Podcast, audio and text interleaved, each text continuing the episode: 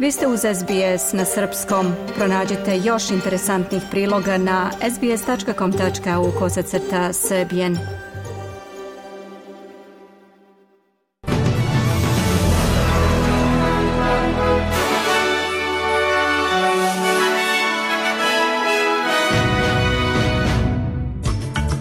Srpska napredna stranka ubedljivo pobedila na vanrednim parlamentarnim izborima. Poslanici laborističke stranke iz saveznog i državnih parlamenta uputili poziv na trajni prekid vatre u Gazi. 300 stanovnika poplavama pogođenog mesta Vuđal-Vuđal biće evakuisano u Cooktown.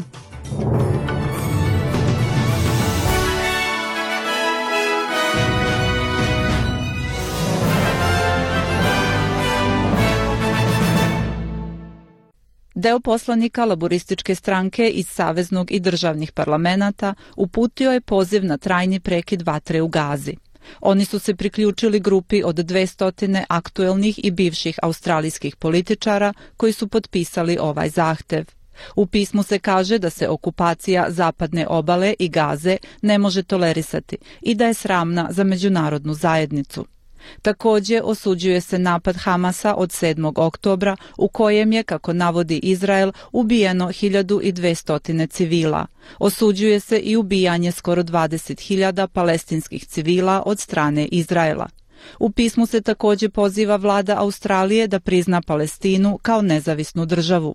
Američki ministar odbrane Lloyd Austin kaže da je pitanje bezbednosti u Crvenom moru međunarodni problem, koji će se rešavati na današnjem sastanku ministara odbrane iz regiona. Američki zvaničnik kaže da je ratni brod Sjedinjenih država odgovorio na pozivu pomoć upućen sa trgovačkog broda nakon što je napadnut s više projektila u Južnom Crvenom moru. Odgovornost za napad preuzeli su jemenski Huti koje podržava Iran. Ministar Austin kaže da se ova situacija mora rešiti. Regarding the Houthis, um, These attacks are reckless. Što se tiče Huta, ti napadi su nepromišljeni, opasni i krše međunarodno pravo.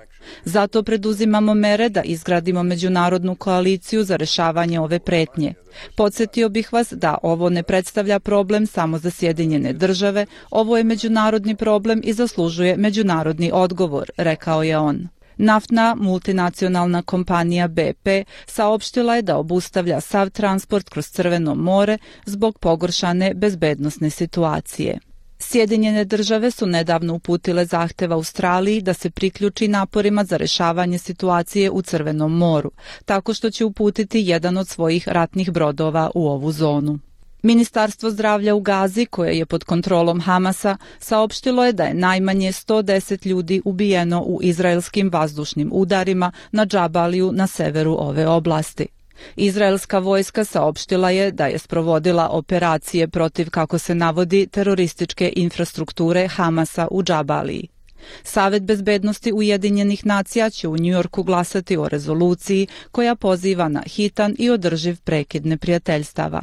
Visoki zvaničnik Hamasa Osman Hamdan izjavio je da Izrael uz pomoć Sjedinjenih država radi na raseljavanju svih palestinaca iz Gaze, ali je tom prilikom poručio da u tome neće uspeti. Hamdan je prilikom razgovora s novinarima u Bejrutu ponovio da Hamas neće osloboditi više ni jednog taoca dok se ne završi rat u Gazi. On je takođe optužio Sjedinjene države da podržavaju Izrael u ubijanju žena i dece, uništavanju domova, bolnica i škola. Za to vreme u Australiji savezni ministar za imigraciju Andrew Giles sastaje se u Kamberi s kolegama iz vlada država i teritorija na okruglom stolu o pitanjima australijske migracione politike dok ministri i drugi zvaničnici budu razmatrali načine za rešavanje problema nedostatka kvalifikovanog radnog kadra, razgovarat će se i o nominacijama za vize za svaku jurisdikciju pojedinačno. Savezna vlada želi da vrati godišnji priliv imigranata na predpandemijski nivo od oko 235.000 novih doseljenika godišnje. Više od 40 organizacija za smeštaj beskućnika i pomoć stambeno ugroženima potpisalo je otvoreno pismo premijeru Antoniju Albaniziju i lideru opozicije Peteru Datonu. U pismu izražavaju zabrinutost zbog toga što se migrantske zajednice okrivljuju kao primarni razlog za stambenu krizu.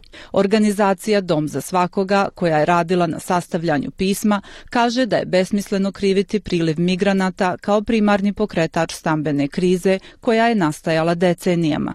Organizacije među kojima su Australijski savet socijalnih službi, Savez veća etničkih zajednica Australije i Nacionalno sklonište kažu da su za krizu odgovorne decenije loših političkih odluka mnogih vlada, hroničan nedostatak socijalnih stanova, kao i poreske olakšice za investitore koje su doprineli inflaciji. Na severu Queenslanda nastavljaju se napori spasilačkih ekipa da evakuišu stanovništvo iz područja koja su najviše pogođena poplavama.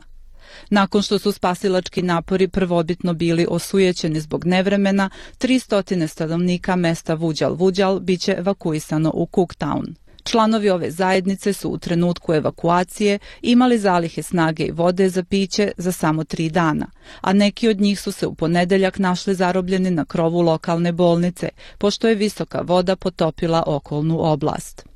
I na severozapadu Novog Južnog Velsa otvoreni su centri za evakuaciju ljudi, ali onih koji beže od požara koji bukte južno od oblasti Narabraj. Vatrena stihija je uništila više od 85.000 hektara prirode i još uvek nije pod kontrolom. Slušate SBS, pregled vesti na srpskom. Slede aktuelnosti iz Srbije. Republička izborna komisija utvrdila je preliminarne rezultate parlamentarnih izbora u Srbiji, kojima su potvrđeni nezvanični podaci objavljeni dan ranije. Najviše glasova dobila je lista Aleksandar Vučić, Srbija ne sme da stane, 46,71 odsto.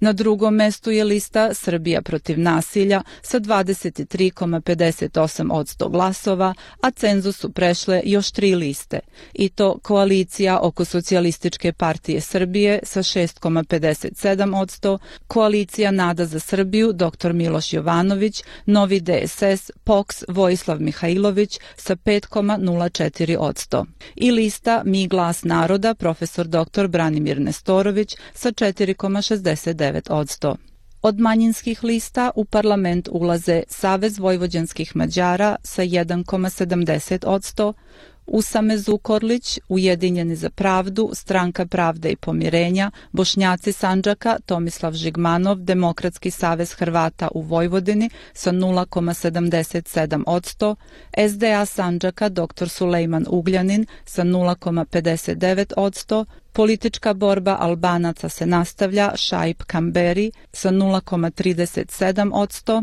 i Ruska stranka Slobodan Nikolić sa 0,30 odsto i Gradska izborna komisija saopštila je preliminarne rezultate izbora za odbornike u Skupštini grada Beograda. Najviše glasova dobila je Srpska napredna stranka, a zatim slede Srbija protiv nasilja, Koalicija NADA i lista doktora Nestorovića. Koalicija Srbija protiv nasilja organizovala je protest ispred zgrade Republičke izborne komisije, tražeći ponavljanje izbora u Beogradu.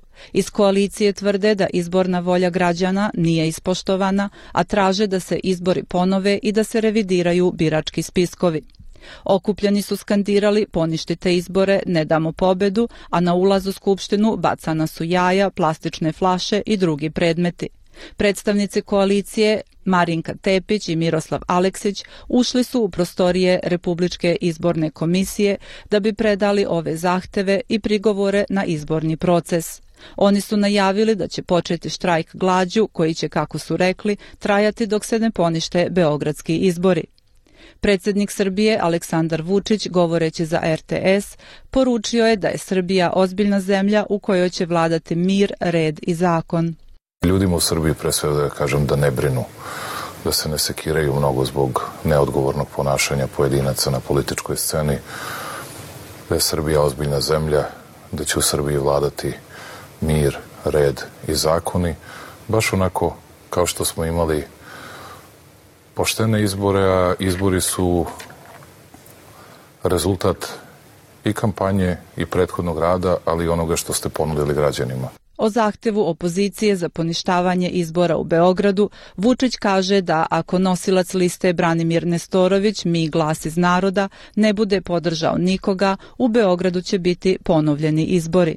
a portparol Kremlja Dimitrij Peskov izjavio je da Rusija pomno prati i pozdravlja uspeh stranke predsjednika Aleksandra Vučića na parlamentarnim izborima u Srbiji.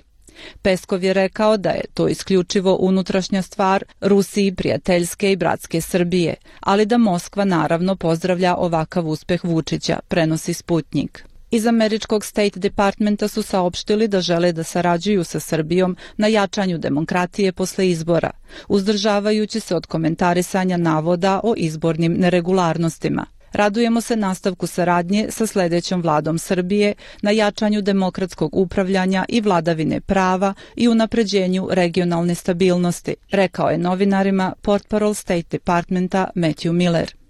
Na rezultate izbora u Srbiji i događaje koji su ih pratili reagovalo je i Nemačko ministarstvo inostranih poslova.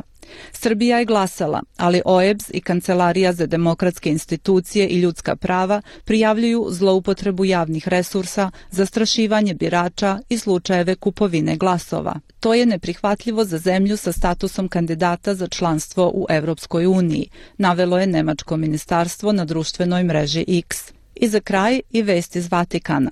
Katolički papa Franja preduzeo je jedan od najkonkretnijih koraka u svojim naporima da Rimokatoličku crkvu učini pristupačnijom ljudima homoseksualne orijentacije. Papa je zvanično odobrio sveštenicima da blagosiljaju istopolne parove.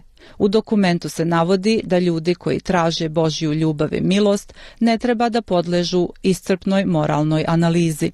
Dokumentom se međutim ne dozvoljava nikakav liturgijski obred, budući da bi se to moglo pomešati sa sakramentom venčanja.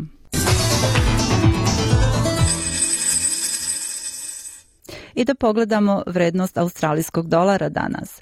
On vredi 67 američkih centi, 61 eurocent, 53 britanska penija i 72 srpska dinara i 6 para.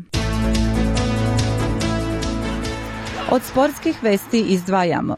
Futbaleri brazilskog Fluminezea prvi su finalisti svetskog klubskog prvenstva pošto su u polufinalu pobedili egipatski Al Ahli sa 2-0. Klub iz Rio de Janeira igraće za titulu svetskog prvaka sa boljim iz meča Urava Reds Manchester City koji se igra večeras, takođe u Saudijskoj Arabiji. A za to vreme u Australiji donedavni lideri A lige, MacArthur, popustio je, propustio je priliku da se vrati na prvo mesto na tabeli. Ekipa sa jugozapada Sidneja poražena je u poslednjoj utakmici osmog kola od Wellington Phoenixa rezultatom 3-0. Ovom pobedom futbaleri sa Novog Zelanda preuzeli su lidersku poziciju u A ligi s bodom više od Melbourne Victoria i dva ispred Wanderersa i MacArthura. I da pogledamo vreme danas. U Pertu delimično oblačno 31 stepen, u Adelaidu takođe delimično oblačno 21, u Melbourneu postepeno razvedravanje 18 stepeni, u Hobartu zatim pljuskovi 17 stepeni, u Kamberi na oblačenje sa pljuskovima moguća oluja 32 stepena, u Sidneju slično sa 35 stepeni, u Brisbaneu su mogući pljuskovi sa 31 stepen, u Darwinu moguća oluja 30 35 stepeni. U Beogradu ujutru slab mraz, tokom dana sunčano sa temperaturom do 13 stepeni.